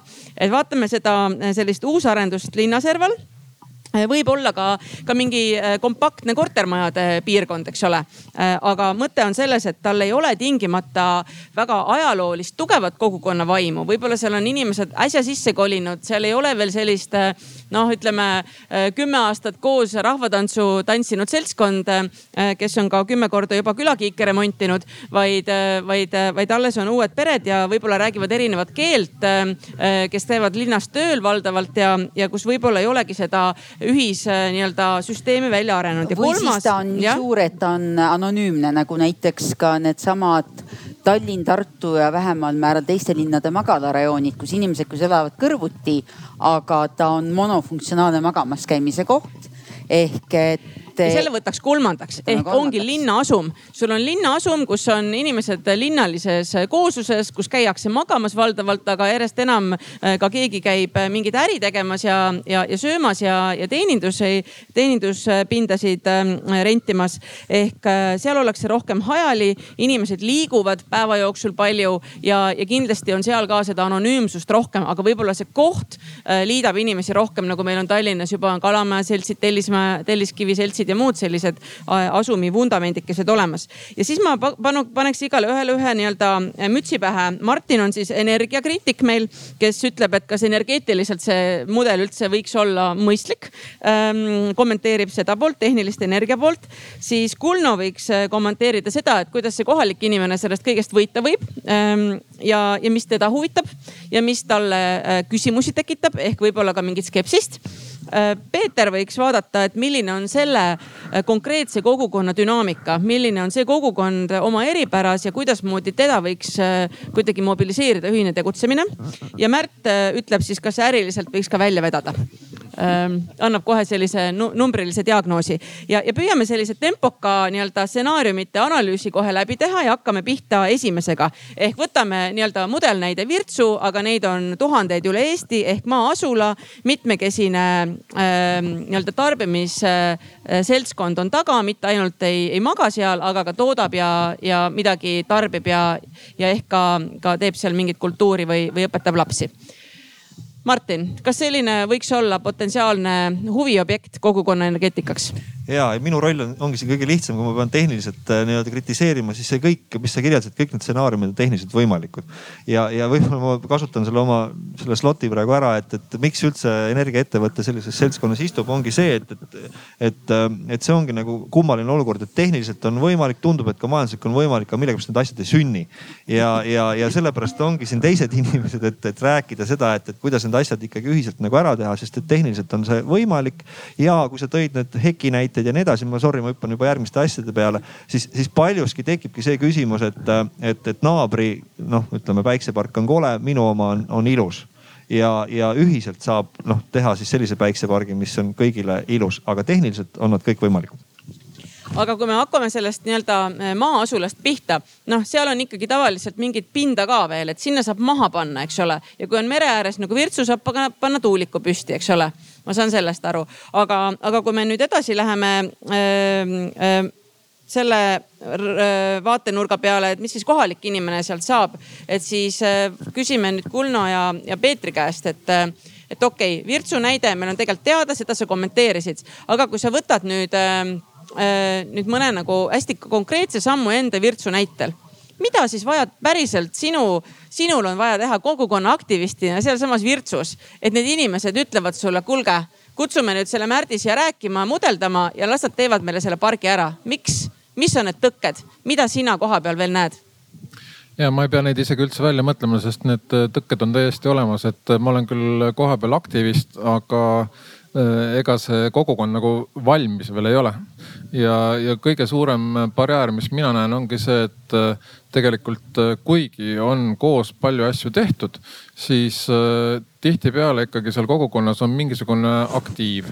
ehk kui näiteks Virtsus või no ükspuha, kus siis väikses asulas on viissada kuni tuhat elanikku, siis tegelikult omavahel käivad nad läbi kas mingi grupiviisi kuidagi Äh, kui on mingi keskne aktiiv, siis seal on äh, maksimaalselt äh, kakskümmend inimest ja aktiviste on seal siis kolm. ja, ja ülejäänud inimeste jaoks on see kogukonnaelu nagu sihukene number kaheksa positsioonil, eks ju, et. et kõigepealt ikkagi oma asjad ja siis, kui võib-olla jääb aega üle, siis käin peol, mida siis selts korraldab ka ära.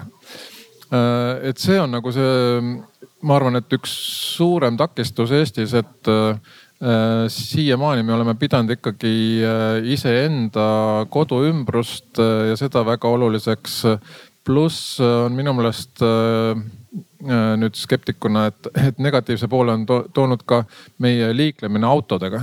sest isegi väikestes kohtades inimene istub oma hoovis, tuleb maja uksest välja ja istub auto uksest sisse ja, ja sõidab poodi, noh seal need poed on ka muutunud selles mõttes suureks, et enam poemüüjaga pikka juttu ei ole või muutub üldse automaatseks. Äh, tegelikult seda omavahelist suhtlemist on ikka jäänud palju vähemaks. Äh, et äh, noh, see on üks suurim probleem minu meelest ja siis teine on, ma arvan, rahaline et mõned inimesed noh, neil tõesti peost suhu, eks ju, käib elamine ja, ja mõnel ettevõtjal on siis natuke rohkem. Ja noh, mõned ettevõtjad on äh, mõnel võib-olla vaiba juba jalge alt ära tõmmanud äh, ja ei ole kohalike hulgas enam äh, nii heas kirjas, siis neid nagunii enam ei usaldata, nii et selline kihistumine ja, ja usaldamatus on see, mis on takistuseks kogukondades ja noh, väikestes, nii, nii väikestes maa, ma arvan, kogukondades ja linnas, kus üldse kokku ei puutuda, seal on veel suuremad. no nii, Peeter, mis selle kompotiga pihta hakata? ah see küsimus, ma mõtlesin, ma räägin ikka veel probleemidest et no äh, Kulno, sa rääkisid juba äh, liidri ähm, sellisest suurest rollist, et äh, kodukandiga koos oleme ka seda asja uurinud ja seal uuringust, mida me paar aastat tegi, tagasi tegime, tuli välja, et, et see liidrikeskus, kesksus on igasuguste MTÜ-de, aga sageli just sellistes äh, kohtades, kus inimesi üldse vähem on, peamine probleem. seitsekümmend protsenti laias laastus Eesti kogukonna organisatsioonidest ütle, ütlesid, et nemad ei teeks mitte midagi, kui liider ära kukuks. ja seal on nagu nüüd arutades on seal kaks asja. esiteks on muidugi see, et inimesi on vähe, aga teine asi on äh,, inimesed kardavad muutust. sest et kui keegi on ikkagi pühendanud, ehitanud midagi, tõmmanud inimesed sinna rahvatantsu või arenguseltsi kaasa ja siis tuleb keegi, ütleb, et aga teeks hoopis energiakogukonna. siis on ei, ei, aga mis siis rahvatantsust saab? no selles mõttes, et minu meelest see energiaühistu on hea näide, et kõik muutub ja, ja sellise muutuse esilekutsumine on loomulikult lihtsam seal, kus on selliseid inimesi. ehk tegelikult on pigem see kohalik eestvedaja on täna selline kultuurikeskne inimene, kes oskab teha väga palju asju, mis on seotud kultuuri ühistegevuse, meelelahutuse, seltsingu tegevuse ümber. aga kes sellist võib-olla väga tehnilist asja nagu on energiapargi ehitamine, ei tunne, et see oleks nagu tema tassike teed ja, ja tal võib-olla lähevad vahepeal kilovatid ja megavatid sassi ja, ja mis on ka normaalne. ja vatid ja voldid votid ja voldid, seda enam veel. ja võib-olla vahepeal tulevad veel mingid uued terminid. et mida nüüd teha selleks, et meil tekiksid nagu kogukondades need inimesed, kes selles energeetika valdkonnas suudaksid nagu hakata kandma sellist eestvedaja rolli, sest ma saan aru, see on nüüd see tõke, mida nii Kunno kui Peeter mõlemad nagu mainisid siin. Ja tuua inimesi kokku, et nad, et mitte, kui inimene tuleb, eks ole äh, rahvatantsurühma ja siis ta homme tuleb uus koosolek energia teemal, siis on tuba tühi ja noh, see võib-olla ei ole ikka ainult energia, aga ükspuha, mis mingi täpselt selline minna sealt meelelahutusest äh, ja, ja mingite asjade taastamisest, nokitsemisest mingiks tootmise peale ehk noh, praegu võetakse seda kui äri. ja, ja kui on jutt ärist, noh siis on raha ja siis hakkab mingisugune konkurents, eks ju, ja siuksed teemad kohe pihta. et, äh, et see on jah mõtteviisi muutus tegelikult, mis on väga keeruline muuta see koht, selle kohta on hea näide, üks maailmakuulus muusikafestival toimus äh, Uus-Meremaa Lõunasaare põhjatipus. maailmakuulus DJ-de festival, aastaid toimunud, üle maailma tulevad inimesed kokku ja see põhimõte oli see, kellelegi raha ei maksta. kõik äh, lennupilet makstakse ja, ja, ja tu, sadu tuhandeid inimesi, seda tegi üks seltskond, kümneliikmeline sõpruskond umbes. ja siis, kui oli koroona siis välismaa artiste ei saanud kutsuda, kutsuti kohalikud inimesed ja ennäe imet, festival jäi mitmesaja tuhandega plussi ja mis juhtus? tülli mindi. ja see festival enam ei toimu sest nad lihtsalt läksid laiali. eestlastel tõepoolest on äh, vähe kogemust ühise rahaasja ajamisel. see ähm, vaese ühiskonna värk ähm,, midagi ei ole teha, me tuleme ajast, kus üldse raha oli vähe no aga samas me just ju. ärimudelit, Märt mainisime, et igas õues on Land Cruiser, muru on niidetud, et me oleme õigel teel. et võib-olla nüüd ongi nagu, et, et hakkab vaikselt see ka majanduslik ühistegevus äh, tulema et.... ja, ja, ja, ja selles mõttes need, ähm, kui me siin oleme rääkinud, et kohalik ettevõtja on ühist ähm, kogukonna liige, ähm, siis äh, loomulikult me kõik, kas teeme tööl või teenime muul moel raha. igal juhul, et äh, need inimesed, kes hakkavad mõtlema tootmisele või energia tootmisele, need on kohalik ressurss ja noh see, et nüüd tekib selline harjumus ja traditsioon, et osatakse ühistegevust korraldada selliselt, ehm, et ehm, noh, näiteks põhikiri kuidas täpselt see ühistu tegemine käib. Ehm, et tehniline know-how on olemas, just nagu ma enne mainisin, neid nii-öelda vahendajaid, eks ole, kes, kes aitavad, mujal maailmas on neid kümneid või mitte sadu riikides, Saksamaal, Taanis, Inglismaal. Eestis noh, arengufond natuke oli, siis kadus ära, nüüd on energiaühistu. et kui ähm, ma arvan, et meil, teil on siin väga suur roll selle teadmise ja traditsiooni tekitamisel. ehk tegelikult me ei peagi õpetama neid inimesi, kes on kultuurikandjad ja kultuuri eestvedajad maal ümber energiaspetsialistideks, vaid me peaksime nendesamade inimeste ümber oleva selle võrgustiku lihtsalt koos hoidma nendesamade inimeste abil ja tooma sinna juurde uued teemad, aga, aga kuidas seda siis Märt teha? Me ise oleme mõelnud, et ükski kogukondlik park ei sünni ilma kogukondliku eestvedajata. ehk siis põhimõtteliselt seesama rahvatantsu ansambli eestvedaja, tema võiks olla ka siis nii-öelda selle energiaühistu eestvedaja. kuidas me teda aitame? energiaühistu, noh, me oleme nimetanud neid, et siis see inimene oleks nagu meie saadik. meie anname sellele saadikule toe ja teadmised, mis on energeetika, mis on kogukonna liikumine. me anname talle tööriistad ja tegelikult me just eh, eelmine nädal viisime läbi ka tegelikult esimese energiaühistu saadikute koolituse. ehk siis tõimegi need inimesed kokku ja andsimegi neile algteadmised energeetikast, elektri liikumise, liitumistest ja kogukonnast, et kuidas hakata oma kogukonnas üldse seda teemat tutvustama mis punktid läbi käia, et me sisuliselt andsimegi neile inimestele nii-öelda käsiraamatu kätte. et ta käibki nii, et koolitame kogukonna inimesed ise välja. ja no siin ennem oli ähm, publikust küsimus, et äh, kui nüüd noh, ma aimasin, et umbes, et kui nüüd tahaks teha, et mida teha, et siis ähm, laias laastus on see ju organiseerimine, organiseerumine äh, ehk siis nend selles tööriistakastis on ju väga lihtsad oskused. kuidas selgitada teisele inimesele, kus müüa ideed, kuidas kutsuda kokku koosolek ja see ei pruugi olla seesama rahvatantsu ähm, eestvedaja, aga samas, kui see inimene on olemas, öelda, et kas ma võin tulla teie rahvatantsutrenni. ma räägin viisteist minti energiakogukonnast, ennem seda see tähendab, et see ressurssi, mida on juba tekitatud, seda ära kasutada väga lahe.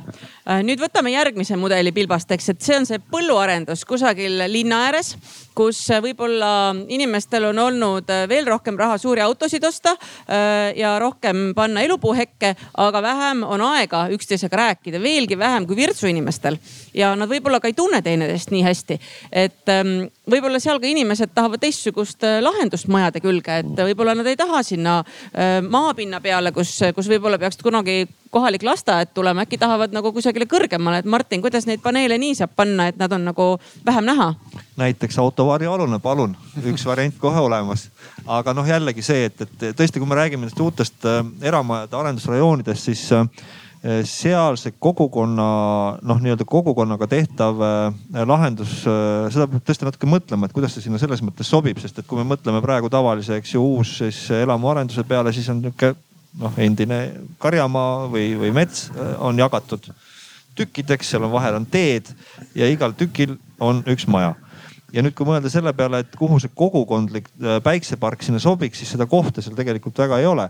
ja, ja võib-olla sinna ja kui seda kohta seal ei ole, võib-olla seda ei peagi sinna nagu pressima, et, et ainuke asi, mida seal võib-olla võiks mõelda, on siis see, et, et, et kui üks naaber tahab hakata endale päiksepaneele panema, et siis võib-olla ühiselt mõtleks läbi, et, et kuidas me niimoodi paneme, et see kogu küla eh, välisilme või siis selle arenduspiirkonna kogu välisilme on ikkagi jätkuvalt kõigile vastuvõetav, et võib-olla siis see on see tegevus, aga, aga mul on ikka tunne, et need lahendused on seal siis ikkagi individuaalsed, välja arvatud juhul kui siis selle arenduspiirkonna kuskil kõrval on, on piisavalt tühja maad, et seal saaks ka midagi ühiselt teha, et see sõltub sellest, sellest olukorrast. aga ma arvan, et selle näite puhul me jõuame veel ühe olulise asja juht, juurde, millest me ei ole väga palju enne rääkinud ja see on arhitektuur. sest et tegelikult üks suuremaid vastasseise ja, ja eriti tuuleparkide puhul ongi just nimelt meid ümbritseva ruumi muutus ja me ei ole selle muutusega nõus ja eriti veel me ei ole sellepärast nõus, et keegi teine seda teeb.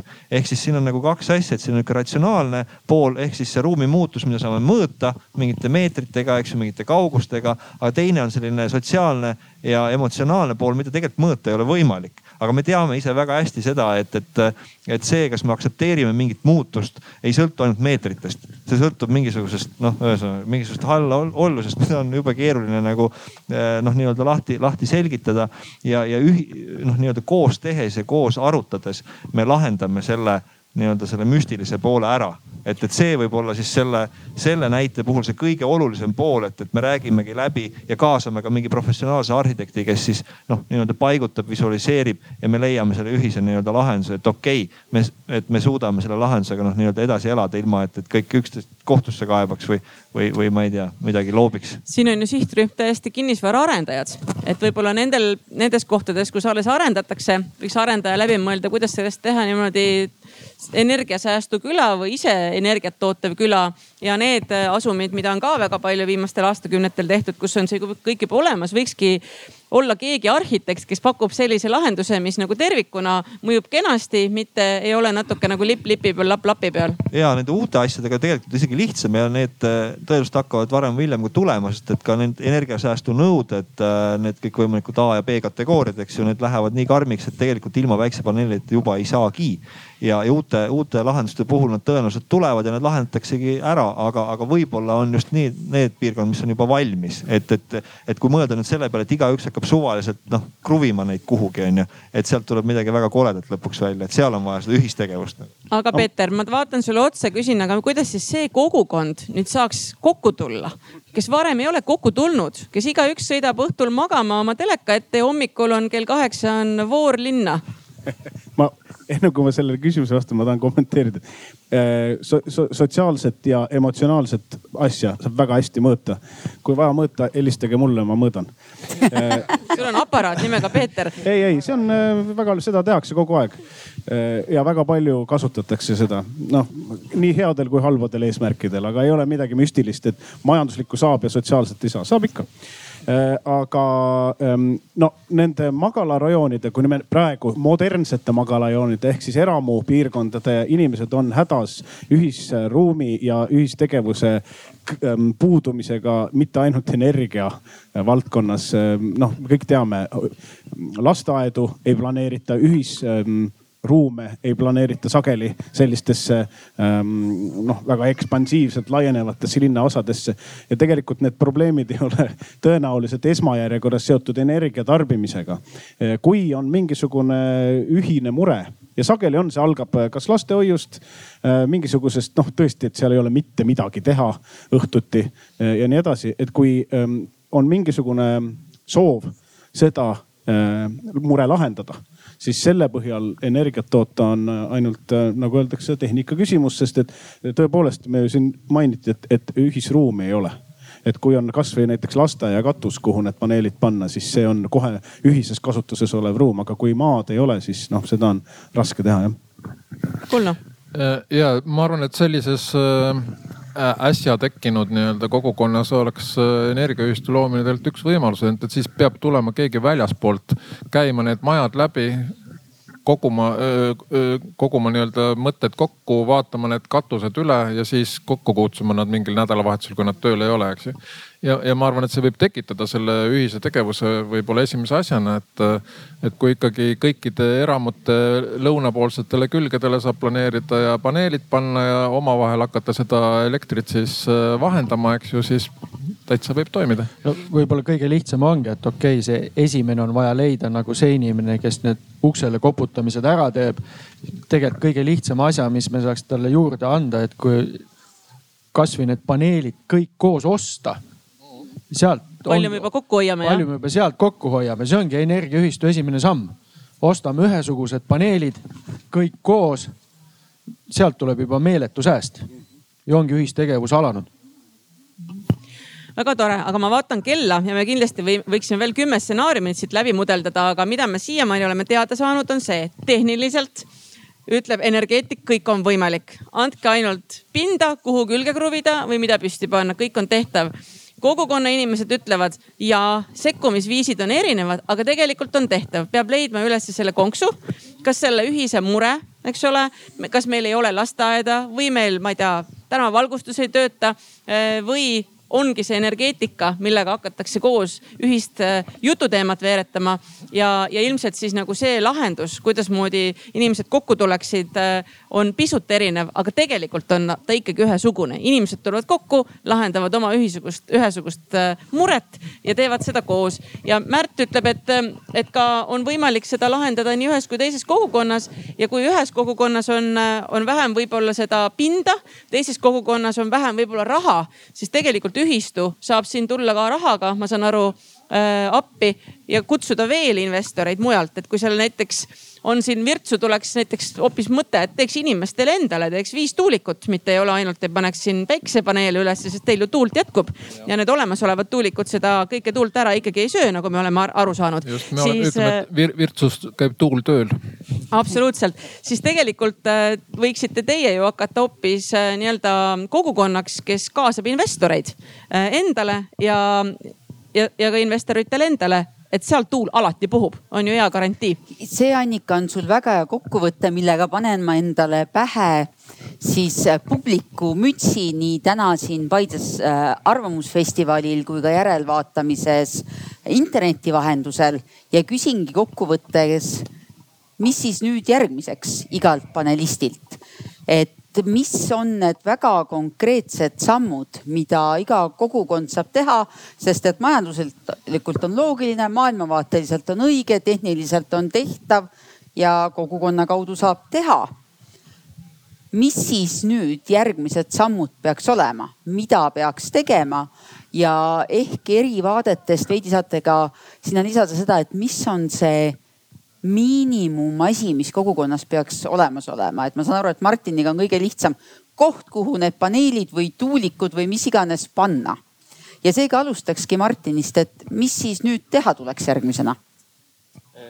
Äh, siis energiaühistu, me räägime ikkagi energiaühistu kontekstis seda praegu, energiaühistu on äh, veel noor äh, ettevõtmine ja, ja ma arvan, et see, mida nüüd siis teha ongi vaja, on seesama jutt, mida me siin praegu räägime, seda peabki siis energiaühistu nüüd äh, siis äh, igapäevaselt üritama nagu ellu viia ja see ongi see konkreetne tegevus, kõik need ideed, mis siin tekkisid ja kõik need mured, mis siin ka kerkisid et nendega tegelema samm-sammult, et need kohad ikkagi, kuhu siis äh, neid uusi päiksepaneele või tuulikuid panna, päriselt tekiksid, sest et tegelikult energiaühistu üks oluline detail on ka siin veel see, et energiaühistu on ikkagi tulundusühistu, mis tähendab seda, et energiaühistu tegevust me saame mõõta sellega, kui on tekkinud tulu ehk siis ikkagi mingisuguse konkreetse resultaadiga. kui me räägime mittetulundusühistustest, kus oli juttu pikalt, et seal just see kogukondlik tegevus paljuski praegu on käinud, siis seal mõõdetakse seda noh noh, nii-öelda edu noh toimunud kontsertiga või, või, või mingisugune korda tehtud mingisuguse äh, kohana, siis, siis meie saame ikkagi mõõta konkreetselt realiseeritud mingi uue projektina ja see ongi see, mida teha on vaja. Ja ma ütleks ühe asja veel siia ära.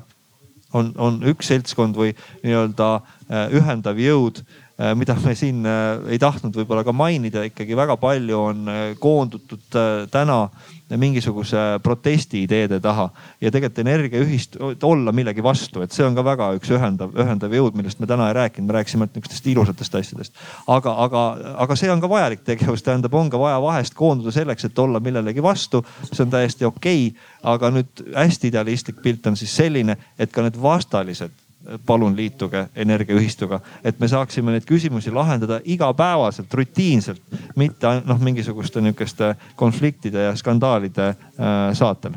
Peeter, mida üks selline abstraktselt ja võib-olla veidi protestikultuuriga harjunud kogukond järgmisena, mis on need sammud, mida teha energiaühistu loomisel, selle vajaduse ja võimaluste hindamisel? me oleme rääkinud sellest, et lihtne on seda teha seal, kus juba midagi tehakse aga minu meelest ei pea äh, see sugugi nii olema. Ehm, kogukond tekib just sellise ühistegevuse käigus. ja minu praktiline soovitus on see, et korraldage grillipidu ehm, söök on alati see, mis inimesi ühendab. kui tasuta süüa saab, tulevad kõik kokku, ka need, kellel, kes vanad ja väetid ja kuulavad jutu ära isegi ainult sabas seistes nii et äh, ja selle tegevuse käigus on võimalik organiseeruda, sest et ega see kogukond midagi muud ei ole kui lihtsalt üht tüüpi ühistegevus. Äh, nii et ähm, ja noh, ühesõnaga grilli peale Kulno, kuidas sa seda grillipidu planeerid? planeeriks seda, et grill töötaks päiksepaneelidelt ja noh, grillitaks muidugi nii liha kui ka taimseid asju, nii et aga kindlasti on see, et mina arvan ka, et vaja oleks leida need äh, igas kogukonnas äh, siis ütleme energia või, või tulundustegevuse aktivistid üles. Ja siis juba see aktivist äh, saaks energiaühistu käest selle tööriistakoti ja, ja tuge ja, ja, ja saaks hakata toimetama seal kogukonnas, koputama neid uksi läbi ja rääkima inimestega ja küll see asi siis ka toimima hakkab. see võtab aega, aga kindlasti ja, ja noh, mingid esimesed positiivsed näited, kui käivituksid, siis see oleks väga suureks plussiks, et eriti kui naabrid on ära teinud, no siis peame meie ka tegema, eks ju. nii, Märt, saime teada, et kõne sulle, see on juba selge eestvedaja, see on siit läbi kajanud, et mis veel on vaja? Mis tuleb veel ära teha või mis veel on vaja? mina võtan kõne vastu, mudeldan, küsin, kuhu see park võiks tulla, mudeldan paar asja läbi ja siis lähen grillipeole. ja siis grillipeol räägimegi lahti, et kust teha, mida teha. et siis hakkabki kogukond ise saabki teema ja faktid, mida siis nagu arutada. et ta ei ole umbmäärane et teha see keeruline asi lihtsaks, juppideks ja. ja lihtsaks ja igaüks saab aru, mis on tema roll ja mida tema saab teha, et igaüks ei pea olema investor, võib olla lihtsalt see, kes tuleb liikmeks ja tarbib odavat elektrit, mida ise tehakse. ja omab sõnaõigust, mis on just see kogukondliku äh, asja mõte. oleme täna siin tasakaalustanud kahte või isegi kolme keerulist asja. energ-, energeetika, elektrisektor, mis on oma olemuselt ju nii tehniliselt ülemüstifitseeritud, et voti, voldid ja vatid, mida üritasin siinkohal kõnes kokku panna. Äh, ärimudel ehk täpselt see kogukondade tahe, mitte ainult arvutada kokku, palju on vaja projektiraha, et saaks teha kiige korda, aga see, kuidas me koos investeerime, et kõik saaks kasu ja mõned ka võib-olla siis omanikutulu ja siis need konkreetselt eestvedamise küsimused. Annika. ja järgmine oma... aasta me teeme uue arutelu, kus Kulno teeb case study üle Eesti teistele kogukondadele, kuidas Virtsus on see kõik juba tööle pandud. sobib? Sobib, ma olen nõus, aga, aga mul oli üks siia lõppu võib-olla selline, mis oleks võinud alguses jäämuurdjaks olla, aga, aga väga kardinaalne viis, kuidas sinna grillipeole inimesi kokku saab, kui grillipeo nimi on energiaühistu moodustamine. siis äh, lülitage kõigepealt äh, küla kilbist kõigil elekter välja ja pange sinna silt kohtume grillipeol suurepärane idee. selle ideega ja võib-olla siis võib-olla metafoorselt või otserakendamiseks teevad kogukonnad juba ise. palume, et te ühineksite minuga, et tänada tänaseid paneliste ning ka alati säravat Annika Uudeleppa, kes koos, äh, et olla aus, oleme ka meie mõlemad energiaühistu asutajaliikmed ja aitäh Liisale selle toreda humoorika jutuvedamise eest ja, ja kohtume siis aasta pärast demol. selge see, et ega kõike teha